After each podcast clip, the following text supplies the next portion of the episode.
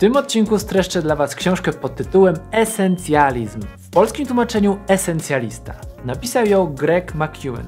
W książce możemy dowiedzieć się, jak ustawiać priorytety, jak ustalić to, co dla nas najistotniejsze i wyeliminować wszystko, co zbędne. Oraz możemy dowiedzieć się, jak wysprzątać wreszcie naszą szafę i dlaczego warto długo spać. O tym i o innych ważniejszych rzeczach opowiem Wam w tym odcinku. Zaczynamy!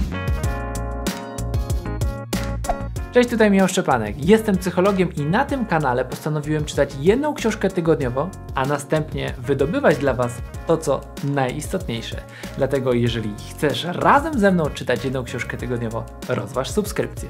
I pamiętaj o wciśnięciu tego dzwoneczka, aby wiedzieć, kiedy pojawi się nowe streszczenie. Ten odcinek warto zobaczyć nie raz, nie dwa, ale co najmniej trzy razy. Jest tu tyle ważnych inspiracji, które sam chętnie sobie powtórzę, kiedy to nagram. Więc potraktujmy to jako notatki do powtórzenia. Zanotowałem sobie około 13 punktów, około właściwie 13 punktów, z którymi chcę się z Wami podzielić. Dlatego nie przedłużając, zacznijmy.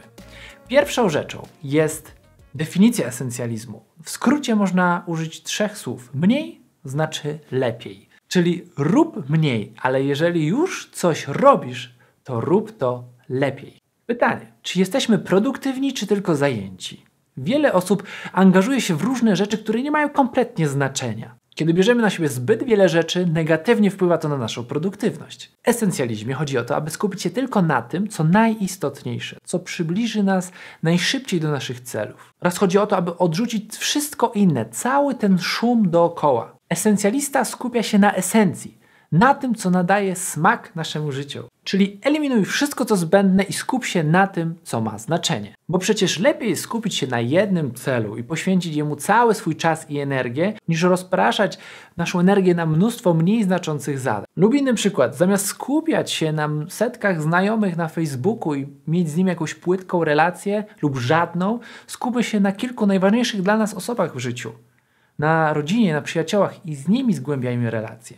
Mniej, ale lepiej. Odrzućmy presję angażowania się we wszystko. Zaakceptujmy konieczność wymiany. Coś za coś. Jeżeli mówimy czemuś tak, to innym rzeczom musimy powiedzieć nie. Nie porównujmy się do innych, że ktoś coś robi, to ja też to muszę robić. Nie wszystko dla nas jest dobre. Zastanów się, co jest dla ciebie konkretnie najistotniejsze i zacznij to robić. Dlaczego dziś tak trudno być esencjalistą? Po pierwsze, mamy zbyt dużą liczbę opcji do wyboru. Pierwszy raz w dziejach świata jest dostępna tak wielka liczba opcji jak dziś. Ludzie po prostu są nieprzygotowani do zarządzania sobą i do podejmowania tyle różnych wyborów. Straciliśmy możliwość odróżnienia tego, co ważne, co istotne, od tego, co jest tylko szumem. To zjawisko nazywa się zmęczeniem decyzjami. Podejmujemy tyle różnych decyzji na co dzień, że już nie jesteśmy w stanie zastanowić się na tym, co dla nas najistotniejsze. Po drugie jest olbrzymia presja społeczna. Ktoś coś robi, my też uważamy, że to trzeba robić. Więc mamy nie tylko natłok informacji, ale również natłok opinii. Każdy ma zdanie na jakiś temat. Każdy ma przylepiony do głowy hashtag nie wiem, ale się wypowiem. Oraz mamy przekonanie, że możemy robić wszystko. Że starczy nam czasu na wszystko, pieniędzy na wszystko. Rzeczywistość jednak weryfikuje. Znajdźmy przestrzeń na refleksję na temat tego, co ważne i co nieważne na odróżnienie tego, co istotne, od tego, co jest tylko śmieciem, szumem i trzeba to odrzucić. Ponieważ niektóre sprawy są ważniejsze niż inne, musimy włożyć wysiłek na ich rozróżnienie. Potrzebujemy czasu na refleksję, na bycie sam ze sobą. Niektórzy ludzie sukcesu planują w swoim kalendarzu tak zwany blank space. Jest to czas, kiedy nic nie robią, jedynie myślą. Refleksja. Wiedzą, że w pędzie życia potrzebny jest taki czas na zatrzymanie się i zweryfikowanie, dokąd idziemy. Dlatego nie bój się poświęcić trochę czasu na nudę, na nic nie robienie. Dobrym pomysłem jest również pisanie dziennika, takiego dziennika, gdzie zapisujecie swoje przemyślenia, to co było dla Was dzisiaj ważne, co nie. Też wtedy będziecie łatwiej podejmować decyzje i będziecie mieć szerszy kontekst, patrzenie na to, co się w Waszym życiu dzieje. Jak już powiedzieliśmy, nie wszystko jest istotne. Większość rzeczy wokół nas jest kompletnie nieistotna, jest po prostu szumem, czymś, co nam przeszkadza w rozpoznaniu tych rzeczy właściwych. Dlatego ten czas na refleksję jest ważny, ale również po tej refleksji musi przyjść postanowienie, co ja konkretnie będę teraz robił. Chodzi o to, aby wybrać właściwą rzecz z właściwych pobudek, czyli dlaczego chcesz to zrobić, oraz żeby zacząć ją robić właśnie teraz, jeżeli jest najważniejsza. Więc nie możemy tylko eliminować złodziei czasu, to jest oczywiste, ale musimy również eliminować różne dobre opcje, w które moglibyśmy się angażować, ale z racji tego, że nie możemy we wszystko się angażować, musimy też z nich zrezygnować i zostawić tylko to, co najistotniejsze. Ciekawostka. Priorytet czy priorytety? Nie wiem, czy wiesz, ale kiedyś słowo priorytet było w liczbie tylko i wyłącznie pojedynczej. Dopiero niedawno zaczęliśmy używać słowa priorytety co w ogóle zrobiło zamęt w naszym patrzeniu na produktywność, bo nie można mówić o priorytetach w liczbie mnogiej, tak jak się to teraz mówi, bo jeden powinien być priorytet. Jeżeli mówimy o kilku priorytetach, to to już nie są priorytety, to nie jest priorytet. Wiecie o co chodzi? Priorytet powinien być jeden, czyli ta najważniejsza, najistotniejsza rzecz. A kiedy robimy jeden, dwa, trzy, cztery, pięć priorytetów, która z tych rzeczy jest najważniejsza? Chodzi o to, abyśmy naszą energię koncentrowali w jednym kierunku. Wtedy szybciej możemy osiągnąć to, co naprawdę dla nas ważne. Często odmawiaj i rzadko się zgadzaj. Codziennie setki rzeczy dopomina się o naszą uwagę. Naucz się odmawiać, naucz się odmawiać prawie zawsze. Bądź bezwzględny, jeśli chodzi o eliminowanie rzeczy ze swojego życia, które nie są istotne. Aby mieć czas na to, co najważniejsze, odmawiaj i naucz się odmawiać często. Stosuj zasadę 90%, jeśli chodzi o decyzję, czy się w coś angażować, czy też nie. Na czym polega ta zasada 90%? Jeżeli nie jesteś na coś przekonany w 90%, to sobie odpuść. Jeżeli ktoś zaproponuje ci jakąś współpracę, to zadaj sobie pytanie, czy ta współpraca, w jakim stopniu ta współpraca zwiększy prawdopodobieństwo, że osiągnę swoje cele, te, które mam długoterminowe, moją wizję. Jeżeli 99% tak, to idź w to. Ale jeżeli 80%, to to nie jest dobry pomysł. Filtr 90% pozwala nam zdecydować, czy jesteśmy do czegoś przekonani praktycznie na 100%, czy nie. Jeśli nie ma stuprocentowej pewności, to masz pewność, że nie powinieneś się w to angażować. Dlatego tak wysoki filtr, aż 90% przekonania w coś, aby nie angażować się w rzeczy błahe, których może być zbyt wiele.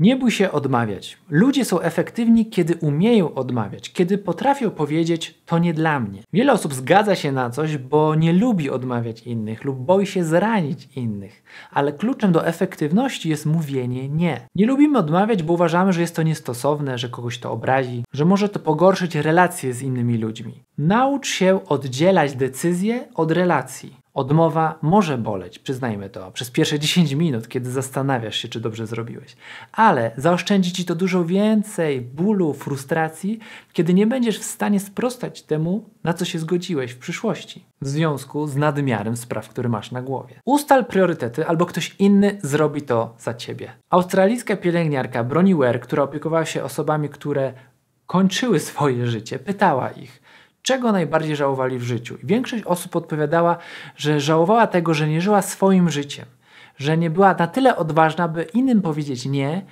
i zacząć żyć tymi swoimi pasjami, które zawsze chciała zrealizować. Dlatego życie w zgodzie z samym sobą wymaga odwagi, wymaga mówienia nie, przeciwstawiania się często presji społecznej, że wszyscy coś robią, a my chcemy robić coś innego. Musimy przejąć kontrolę nad naszymi wyborami, zamienić to częste mówienie muszę coś zrobić, bo czujemy, że inni na nas to wymuszają, na chcę.